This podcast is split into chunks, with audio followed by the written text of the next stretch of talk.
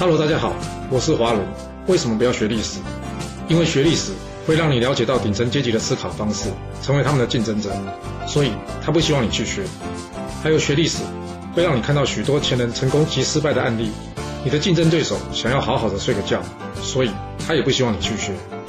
最重要的是，学历史会让你了解人性，你的老板以及同事都希望你保持天真的心，所以他们更不希望你去学。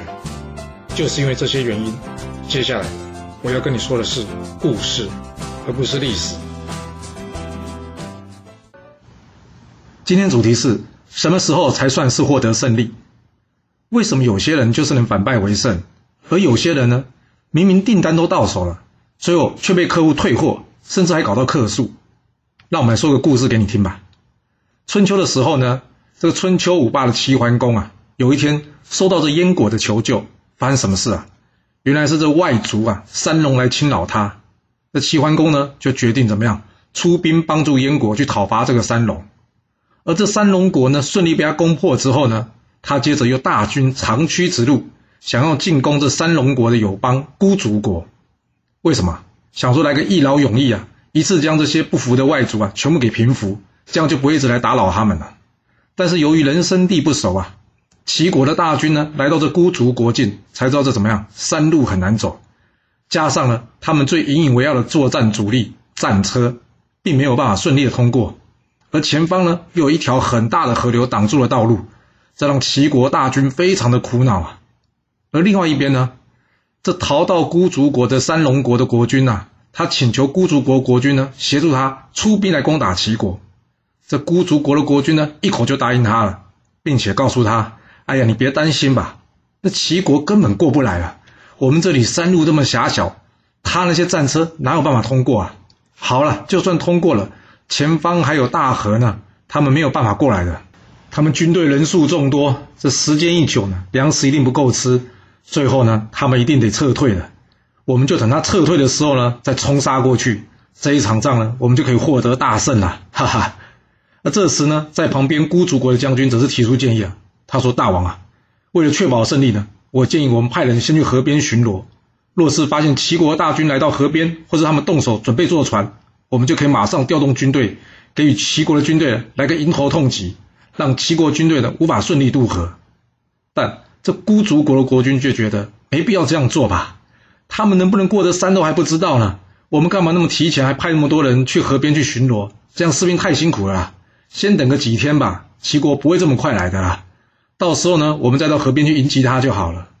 没想到呢，齐国这边呢，在管仲将士用命之下呢，以非常快的速度翻过了这个高山，并且发现了大河上游之处呢，还有地方可以让军队涉水渡河。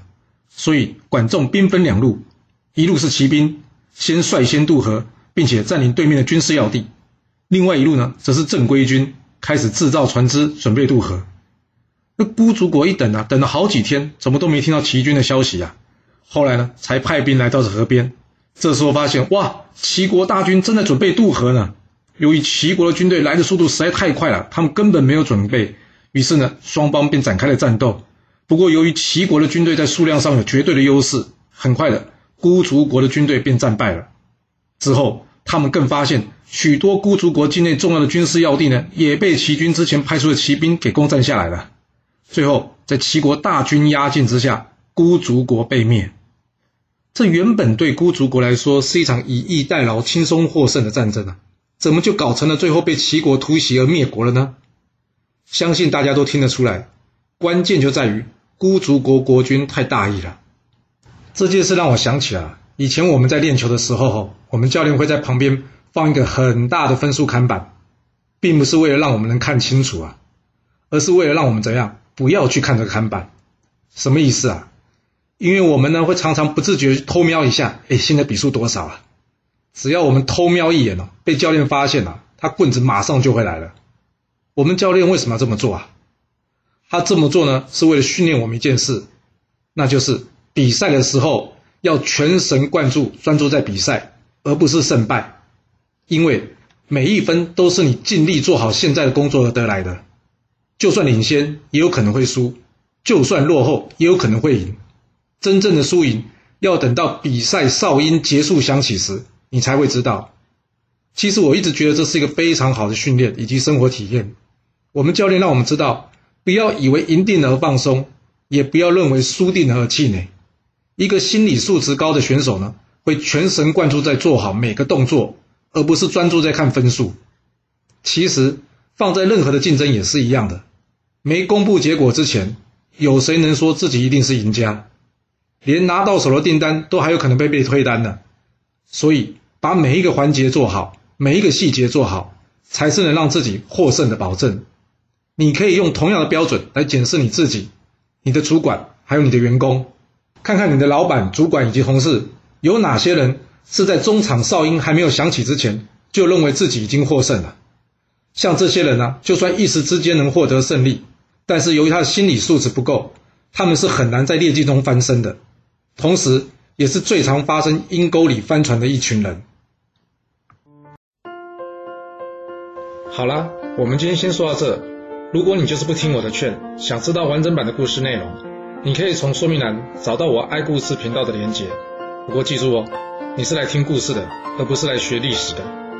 要是您喜欢这个频道，麻烦您动动您的手指，追踪、留言，或是给我五星评价的支持以及分享。谢谢您来收听，我们下次再见。